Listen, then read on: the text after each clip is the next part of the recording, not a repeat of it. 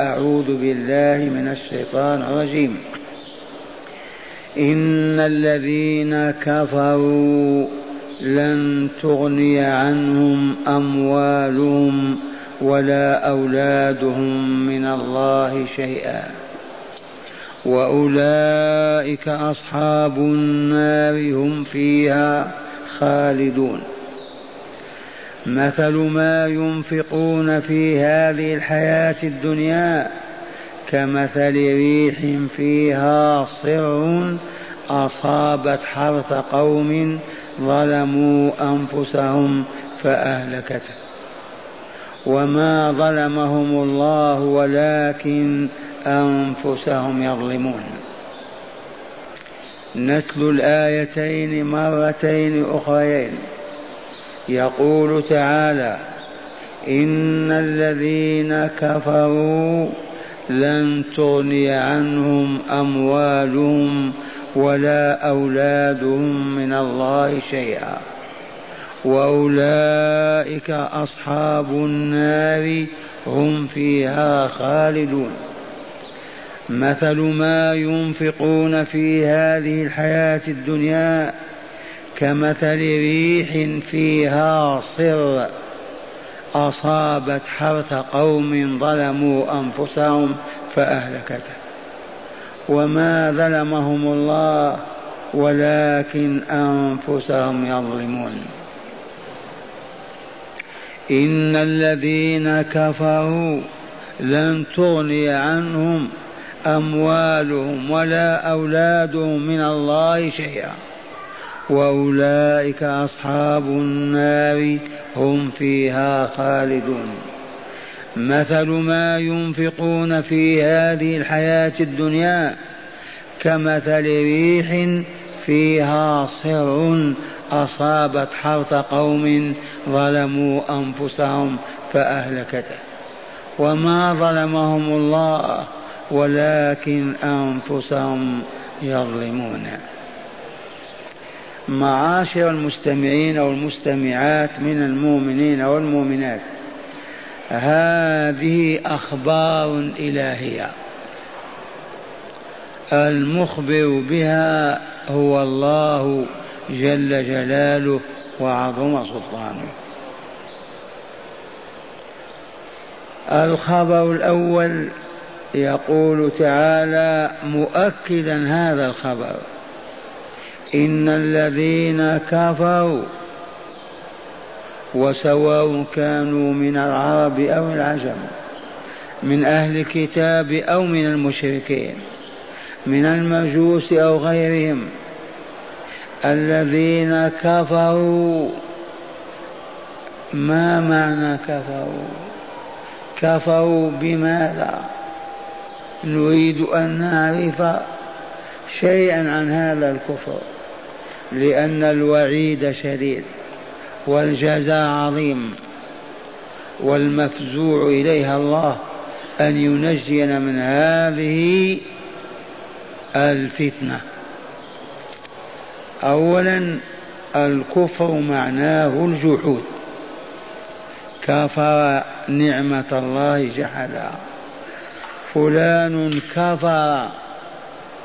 ما كان بيننا وبينه من الخير والبر والإحسان جحده. فالكافر جاحد هذا الجحود يتناول أولا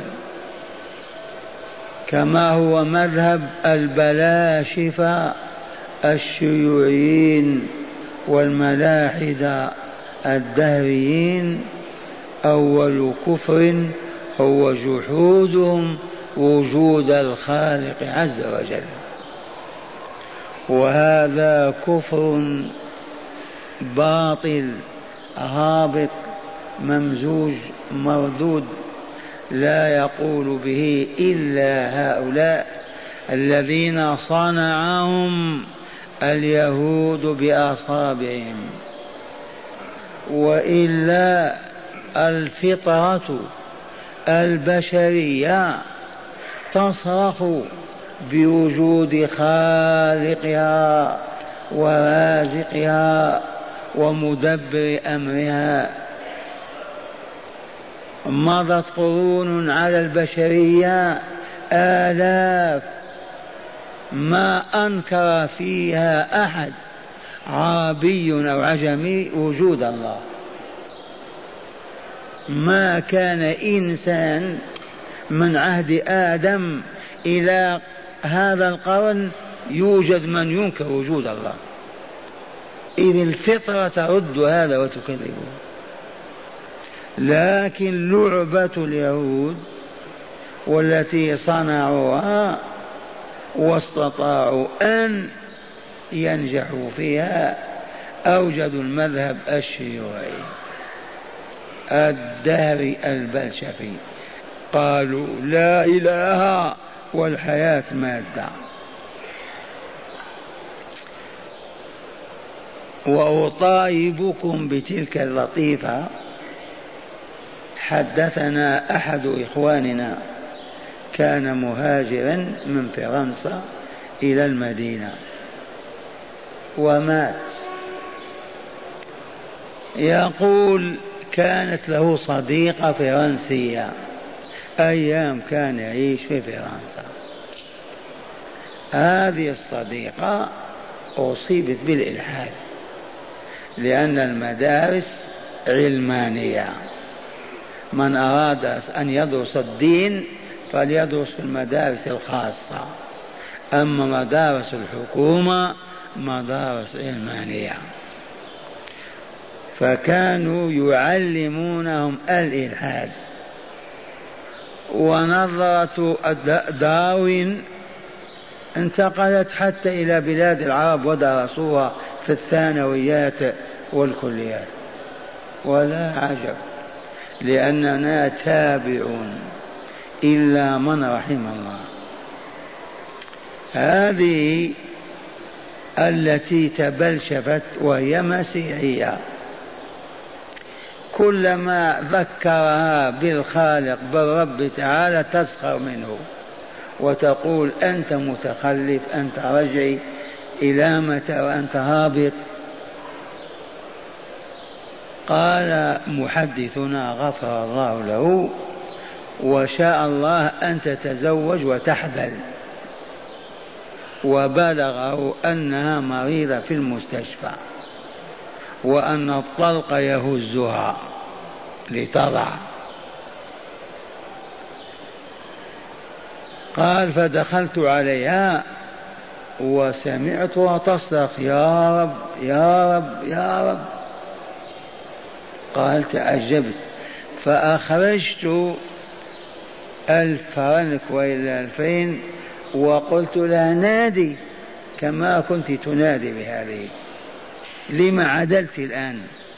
قبل إذا ذكر بالله تخرج الكيس هذا هو الله الذي ينفعنا لكن لما هزها الطرق وشاهدت الموت الله الله يا رباه يا رباه قال فلما أريتها الجنيه وقلت أدعي هذا سخطت علي وغضبت اذهب عني.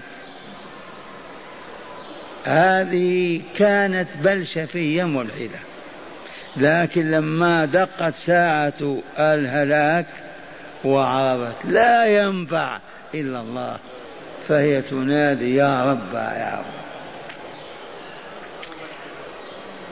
وقوم نوح وقوم عاد وقوم ثمود وقوم إبراهيم أقوام.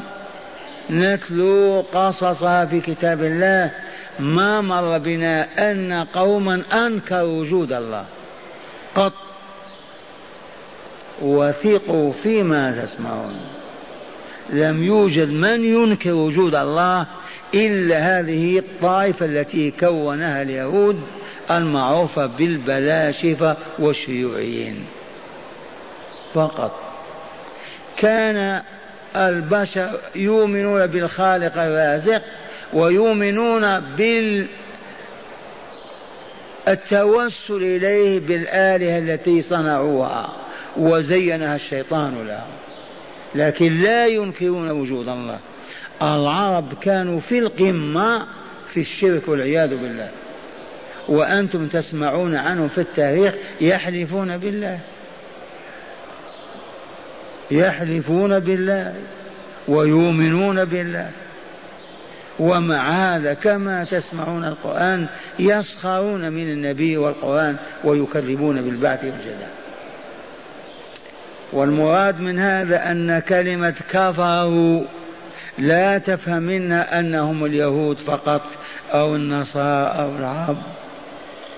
يجب أن نعرف ما الكفر حتى نتجنبه. حتى نذهب من ساحته ونبعد من رائحته الكريهة.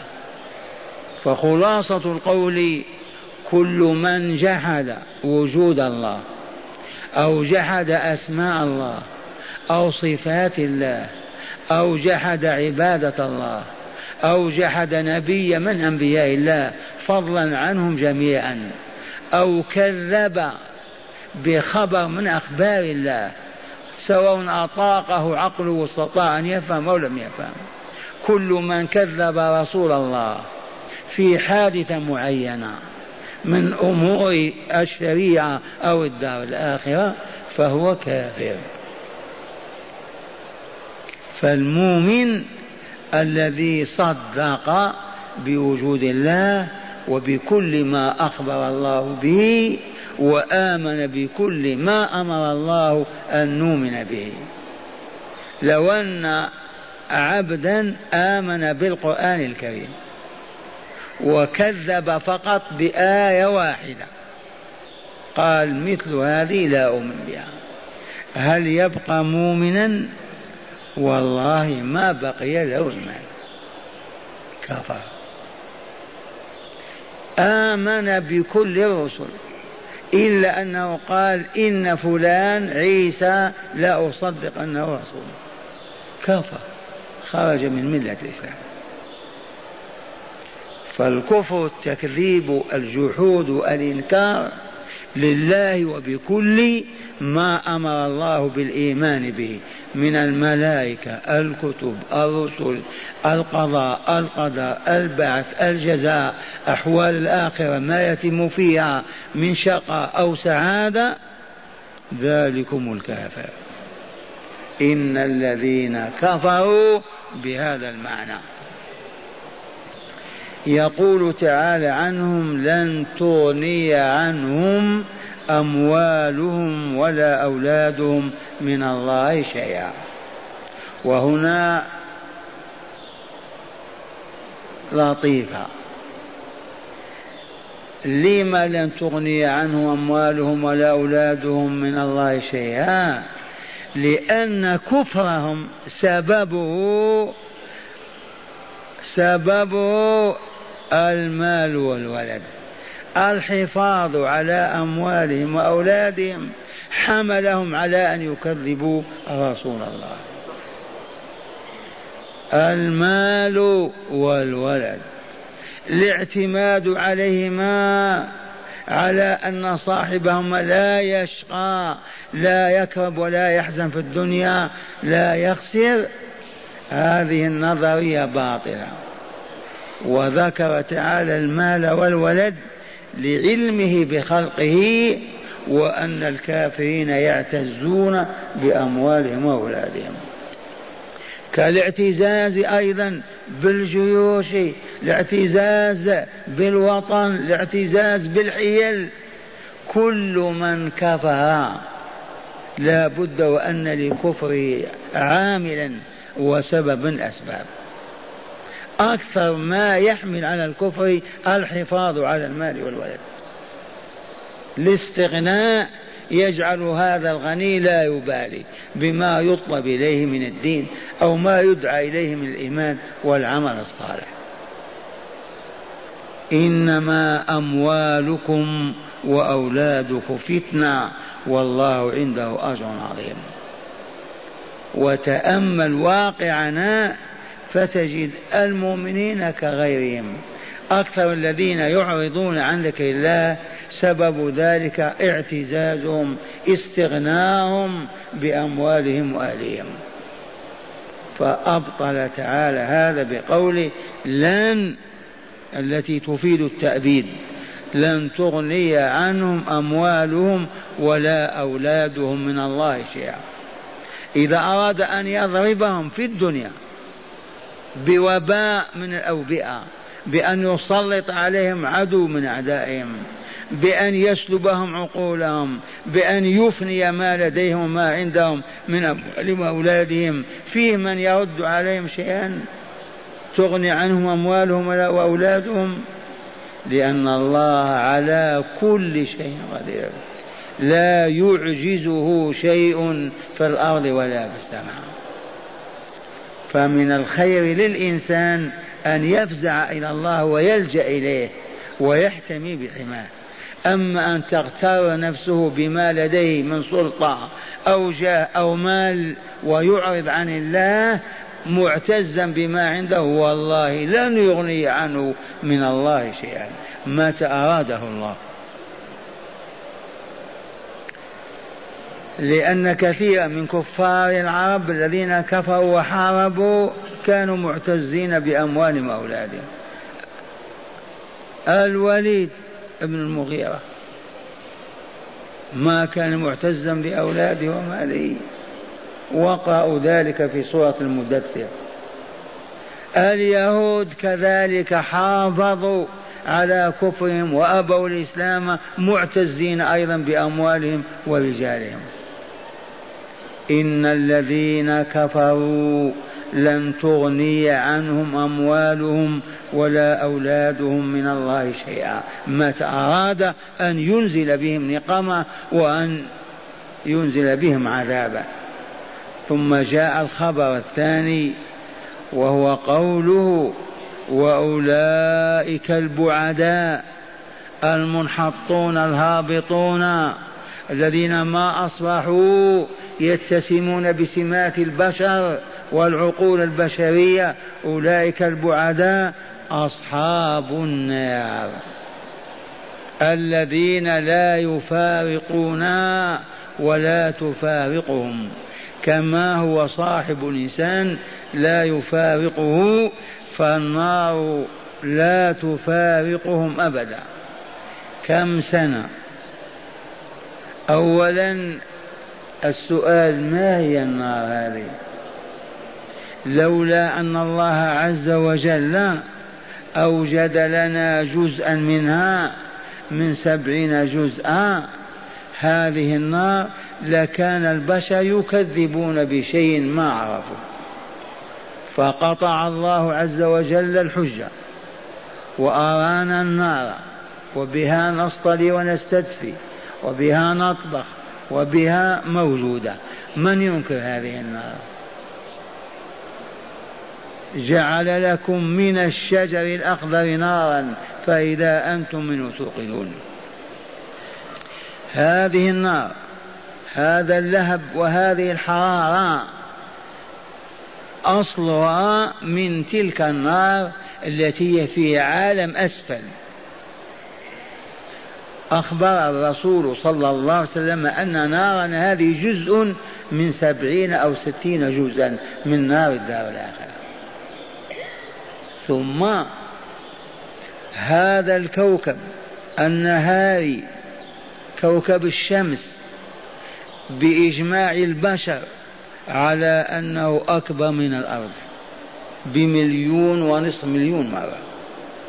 هذا الكوكب كله نار. من أوجد نار آباؤنا أجدادنا. من أوجد هذا النار ثم هذا الكوكب الناري كما نقول غير ما مر.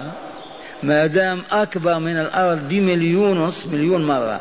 قال هذا علماء الإسلام قبل أن يعرف هذا علماء الكفر. لو وضعنا البشرية كلها في الشمس فقط ما سدت جزء من زواياها زاوية من زواياها. مع أنه كوكب يجري يسبح بهذه الضخامة والعظامة طول الحياة. من أوجده؟ تلقائيا اوتوماتيكيا خرافة الهابطين. وسفه السافهين. الله خالق كل شيء. فهذه النار وصفها تعالى اوصافا لو يؤمن العبد بها وتتلى عليه أو يتلوها يخر مغشيا عليه. النار. حسبنا منها ما بلغنا عن رسولنا صلى الله عليه وسلم. من أن بعض الناس الأشقياء يوضع في تابوت صندوق من حديد ويغلق عليه ويقذف في ذلك العالم. فيعيش بلايين السنين لا يأكل. ولا يشرب ولا يسمع ولا يبصر ولا ينطق. ويمزقه الخوف والجوع والعذاب ملايين السنين. كيف ناكل أو نشرب؟ كيف نضحك؟ وهذه النار عرضت في ذلك المحراب شاشة بيضاء قبل أن تعرف البشرية عرض دور السينما وشاشات التلفاز.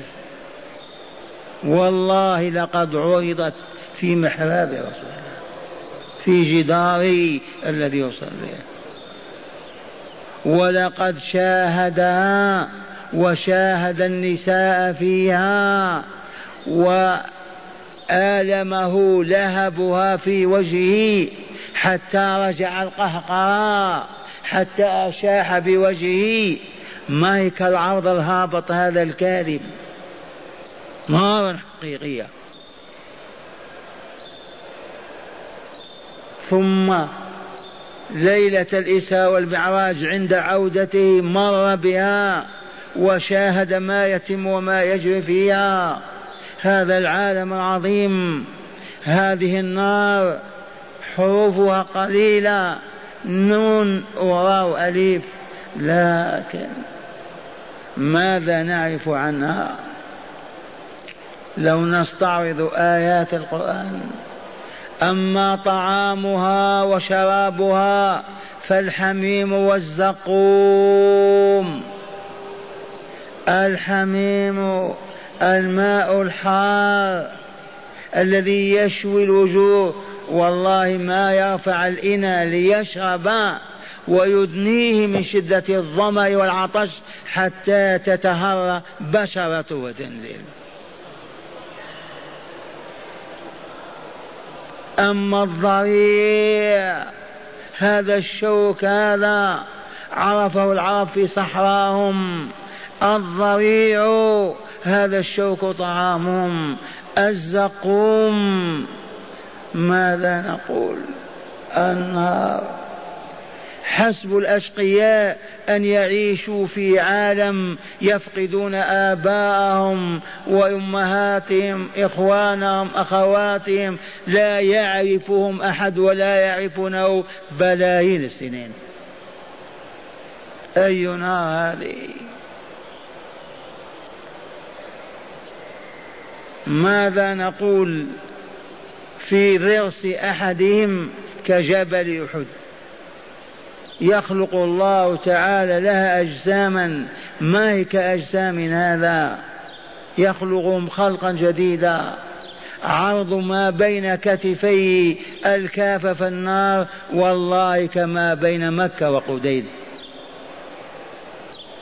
135 كيلو متر إذا كان عرضها هكذا ضرسه والله كجبل أحد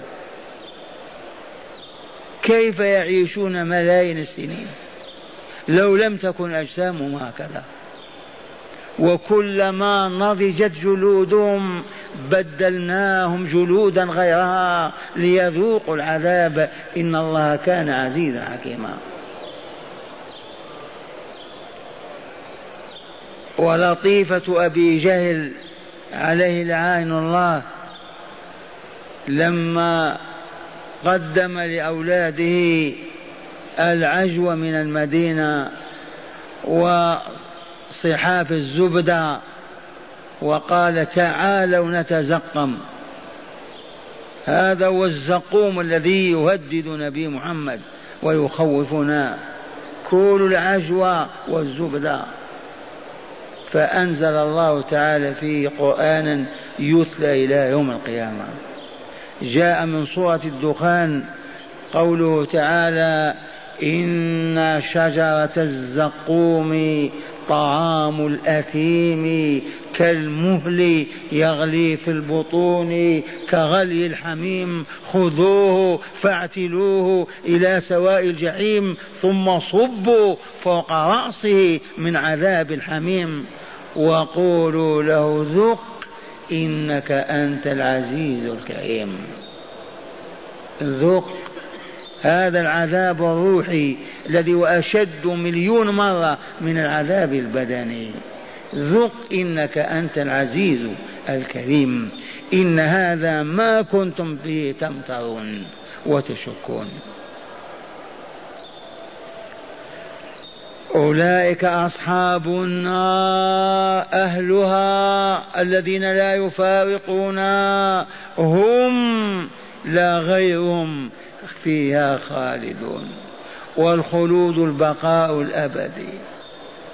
لا يموتون ولا يحيون لا تنتهي أبدا. لم يشأ الله نهايتها وإفناءها والقضاء عليها إذ خلقها لحكمة فلا تخرج عن حكمته. عرفتم جزاء الكفار؟ إذا هيا نحمد الله على أننا مؤمنون. الحمد لله الحمد لله. أمثالنا بلايين هم كافرون في الشرق والغرب.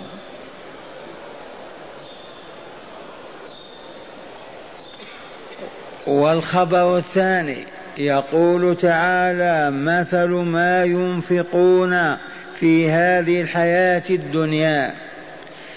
والآية تعني جماعات تهدم الإسلام وتحطمه وتنفق وعلى رأسهم اليهود والصليبيون ينفقون أموالهم لإحباط دعوة الله وإبطالها. لحمل البشرية على الكفر وإبعادها عن الإيمان لإخراج الناس من نور الإيمان إلى ظلمة الكفر. لا شك أنهم ينفقون أموالا طائلة. مثل ما ينفقون من أموال في هذه الحياة الدنيا ليس ينفقون على أبدانهم فيطعمون ويشربون ويكتسون ويسكنون. لا لا. يعني أناسا ينفقون الأموال لإطفاء نور الله. وقد نجحوا فعلوا مثل ما ينفقون في هذه الحياة الدنيا لهذه الأغراض السيئة كمثل ريح فيها صر مثل الريح والريح معروفة.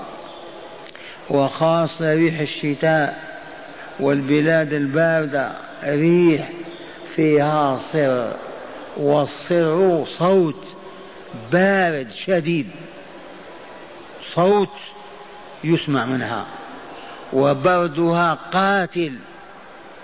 هذه الريح أصابت حرث قوم والمراد من الحرث ما يحرث للأرض من سائر الزروع. كالبر والذرة والشعير وما إلى ذلك. أصابت حرث أي زرع قوم ظلموا أنفسهم. ظلموا أنفسهم بماذا؟ كفروا فسقوا فجروا جاحدوا اعتادوا ظلموا. أفرغوا وصبوا على أنفسهم أطنان الذنوب والآثام. ظلموا أنفسهم. وهل يوجد إنسان يظلم نفسه؟ إيه نعم. مسكينة هي تلك النفس. بين جنبيه بها يسمع ويبصر وينطق ويقوم ويقعد. هذه الروح أودعت في جسمه كأرواح الملائكة طهرا وصفاء ونورا وإشراقا. فيأخذ بمجرد أن يصل إلى مستوى التكليف وتصبح كلمته ينعكس ظلها على روحه وحركته تنعكس ينعكس ظلها على روحه. كلما أذنب ذنبا صب عليها طنا من القاذورة والأوساخ. ظلمها وإلا لا. هل أودعت نفسه في في جسمه مظلمة منتنة عافنة خبيثة؟ لا والله لا والله لا والله. نفخها الملك المكلف بنفخ الأرواح وهي نور تتلألأ إذا فالذي حولها من نور إلى ظلمة ومن طهر إلى خبث ومن خير إلى شر وفساد ظلمها وإلا لا؟ ظلمها. فكل الفجار والفساق والكافرين والمجرمين والمشركين والظالمين ظلموا أنفسهم. ما من حقهم أن يفعلوا ذلك. ظلموا أنفسهم. ظلموا أنفسهم عرفتم بما ظلموها أخذوا الصياط وضربوها كالبهيمة بين أيديهم. ظلموها صبوا فوقها أطنان الذنوب والآثام. فاسودت وأظلمت وخبثت وتعفنت هل يرى ذلك في خارج الحياة؟ إيه نعم يرى. أصحاب هذه النفوس الخبيثة هم الذين يزنون بنسائنا. هم الذين يحسدوننا على ما آتانا ربنا. هم الذين يتمنون زوال نعمة أنعم الله بها علينا. هم الذين يحتالون علينا ويأخذون أموالنا. أليس هذا مظهر من مظاهر هبوط النفس وسودادها وخبثها؟ صاحب الروح الطاهرة النقية. يفجر. آه؟ والله ما يفجر. صاحب الروح النقية الطاهر. يكذبك. والله ما يكذبك. يمد يده إليك ليأخذ مالك أو يخنقك. والله ما كان. روحه مشرقة طاهرة. فمن هو الذي يأتي هذه الجرائم؟ صاحب الروح الخبيثة. كلما ازداد خبثها ازداد شر هذا الخبيث وظلمه وفساده.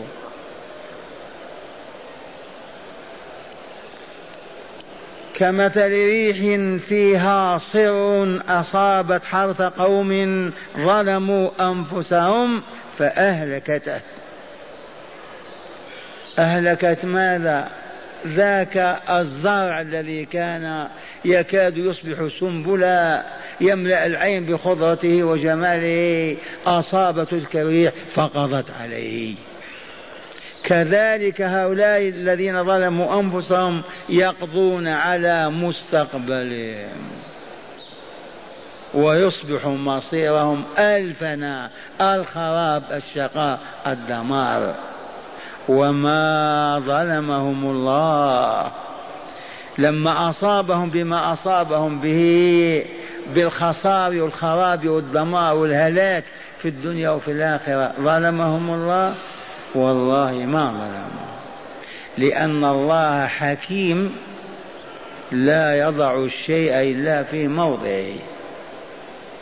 فلما أصابهم بالدمار والخراب سلط عليهم دولة اجتاحتهم ودمرتهم. سلط عليهم وباء دمرهم وأفناهم. سلط عليهم فقر وجوع فأهلكهم. وضع ذلك الحكيم العليم في موضعه لأن الله حكيم عليم. إذا أصابك عبد الله الله بمصيبة فاعلم أنه الحكيم العليم. حكمته وعلمه اقتضيا أن يصيبك بهذا بهذا المرض أو الألم. فلهذا ما من مصيبة إلا بذنب وما أصابكم من مصيبة فبما كسبت أيديكم ويعفو عن كثير. أنتم الآن هادئون سالمون أراضون لو تقوم الآن يسب بعضكم بعضا ويشتم بعضكم بعضا والملاكمة والدماء تسيل وإذا بالجيش يطوقكم وإذا بكم تبيتون في السجن. الله ظلمكم. آه. ظلمتم أنفسكم وإلى الآن تذهب إلى بيتك. هات يا أم إبراهيم الشحم واللحم كول اشبع هاتي زيدي. وامتلأ البطن وأصبحت ما تستطيع تتحرك. انقلوه إلى المستشفى. ظلمك الله. ظلمت نفسك. الآن أنا ظالم لنفسي بينكم. والله العظيم. أشعر بمغص هناك. خف الآن الحمد لله. شربت أربع أكس من الشاي الأخضر وأنا أكلي كأكل الطفل. تبهتم غدايا ولا يغذي طفلكم. إذا مع الفراغ البطن أربع أكس شاي. أصابني مغص وعرفته. ظلمني الله لا ظلمت نفسي. هممت أن أقول الدكتور ماذا أعمل بهذا المغص؟ ما هو الدواء؟ لكن الله لطف. سكت وما أصابكم من مصيبة فبما كسبت أيديكم ويعفو عن كثير. وما ظلمهم الله ولكن كانوا أنفسهم يظلمون.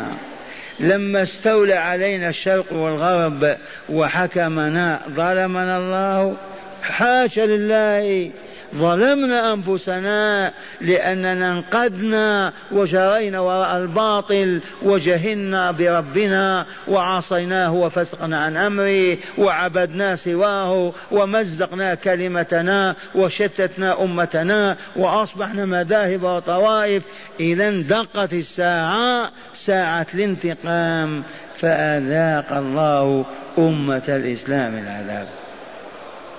وهذا الذي نصرخ وأن الأمة الإسلامية متهيئة إنها تحت النظارة والله إن لم يتدارك الله بالتوبة الصادقة فتجتمع على كتاب الله وتعود إلى منهج رسول الله لنزل بها بلاء أعظم من بلاء الاستعمار. والغافلون ما يشعرون بهذا. أمة الإسلام تصبح أمما. تعبد الطين والوطن وتعرض عن ذكر الله وكتابه وتتعلق بالأوهام والضلالات وتعتز بالباطل. لا إله إلا الله. إلى أين تصير هذه الأمة؟ ولكن أنفسهم ظالمون. لا. الله ما ظلمهم. هذا بما أننا ندرس الكتاب إليكم شرح الكلمات وما في الآيات من معنى في الشرح. شرح الكلمات كذبوا بالله كفروا قال أي كذبوا بالله ورسوله وشرعه ودينه. لن تغني عنهم أي لن تجزي عنهم يوم القيامة أموالهم ولا أولادهم من عذاب الله شيئا إذ لا مال يومئذ لا ينفع ولا بنون. مثل أي صفة مثلهم صفة وحال ما ينفقونه لإبطال دعوة الإسلام أو للتصديق أو للت... نعم مثل أي صفة وحال ما ينفقونه لإبطال دعوة الإسلام أو للتصدق به وهم كافرون. هل تنفعهم صدقاتهم؟ بنوا المشافي وزعوا الأدوية في الدنيا ويكفرون الناس. هذا ينفعهم كمثل ريح فيها صر الآن الصليبيون ينفقون أموال طائلة. ولا لا؟ هل هذه تغني عنهم من الله شيئا؟ مثلها كأش. ريح فيها صر أصابت حرث قوم ظلموا أنفسهم فأهلكته والله لا ينتفعون بحسنة. لما لأنهم كفار. وينفقون ضد الإسلام للتنصير والتكفير. قال الصر الريح الباردة الشديدة. الشديدة البرد التي تقتل الزرع وتفسده. والحرث ما تحرث له الأرض وهو الزرع. ظلموا أنفسهم حيث دنسوها بالشرك والمعاصي فعرضوها للهلاك وللخسارة. إذا قال لما ذكر تعالى حال مؤمن أهل الكتاب وأثنى عليهم بما وهبهم من صفات الكمال ذكر هنا في هاتين الآيتين ما توعد به أهل الكفر من الكتابيين من الكتابيين وغيرهم من المشركين على طريقة القرآن في الترغيب والترهيب ليهتدي من هيأه الله تعالى للهداية. فقال إن الذين كفروا أي كذبوا الله ورسوله فلم يؤمنوا ولم يوحدوا لن تغني عنهم أموالهم ولا أولادهم أي في الدنيا والآخرة مما أراد الله تعالى بهم شيئا من الإغناء لأن الله تعالى غالب على أمره عزيز ذو انتقام. وقوله تعالى وأولئك أصحاب النار هم فيها خالدون فيه بيان حكم الله تعالى فيهم وهو أن أولئك البعداء في الكفر والضلال المتوغلين في الشر والفساد هم أصحاب النار الذين يعيشون فيها لا يفارقونها أبدا ولن تغني عنهم أموالهم التي كانوا يفاخرون بها ولا أولادهم الذين كانوا يعتزون بهم ويستنصرون. إذا إذ هم إذ يوم القيامة لا ينفع فيه مال ولا بنون إلا من أتى الله بقلب سليم سليم من الشك والشرك والكفر والعجب والنفاق. هذا ما تضمنته الآية الأولى. أما الآية الثانية فقد ضرب تعالى فيها مثلا لبطلان نفقات الكفار والمشركين وأعمالهم التي يرون أنها نافعة لهم في الدنيا والآخرة. ضرب لها مثلا ريحا باردة شديدة البرودة أصابت زرع أناس كادوا يحصدوا كادوا يحصد كاد يحصد أي الزرع وهم به فرحون وفيه مؤملون. فأفسدت تلك الريح وقضت عليه نهائيا فلم ينتفعوا بشيء منه. قال تعالى في هذا المثل مثل ما ينفقون أي أولئك الكفار في هذه الحياة الدنيا أي مما يرونه نافعا لهم من بعض أنواع البر كمثل ريح فيها صر أي برد شديد أصابت أي تلك الريح الباردة حرث قوم أي زرعهم النابت فأهلكته أي أفسدته فحرموا من حرثهم ما كانوا يؤملون وما ظلمهم حيث أرسل عليهم الريح فأهلكت زرعهم إذ لم يفعل الله تعالى هذا بهم إلا لأنهم ظلموا بالكفر والشرك والفساد فجزاهم الله بالحرمان وبذلك كانوا هم الظالمين لأنفسهم. قال تعالى وما ظلمهم الله ولكن كانوا أنفسهم يظلمون. هداية الآيتين أولا لن تغني عن المرء لن يغني عن المرء مال ولا ولد متى ظلم وتعرض لنقمة الله تعالى. ثانيا أهل الكفر هم أهل النار وخلودهم فيها محكوم به مقدر عليهم لا نجاة منه. ثالثا بطلان العمل الصالح بالشرك والموت على الكفر. تعمل عشر سنين خمسين سنة وأنت صايم قائم. كلمة كفر تمحو ذلك كله. لئن أشركت لا يحبطن عملك. نعم بطلان العمل الصالح بالشرك وبالموت على الكفر. المشرك يصوم يتصدق. تعرفون عن ذاك. الذي قالت أم المؤمنين عبد الله بن جدعان ما تقول فيه يا رسول الله؟ قال هو في النار. قالت كان يذبح في الحج الواحد ألف بعير للحجاج ويكسو ألف حلة. من يفعل هذا؟ قال هو في النار. لأنه مات على الشرك. مات ولم يقل يوما رب اغفر لي وارحمني. وأخيرا استحسان ضرب الأمثال في الكلام لتقريب المعاني. فالله ضرب المثل وإلا لا من أجل ماذا؟ ليقرب المعنى إلى الناس لينتفعوا بما يسمعون.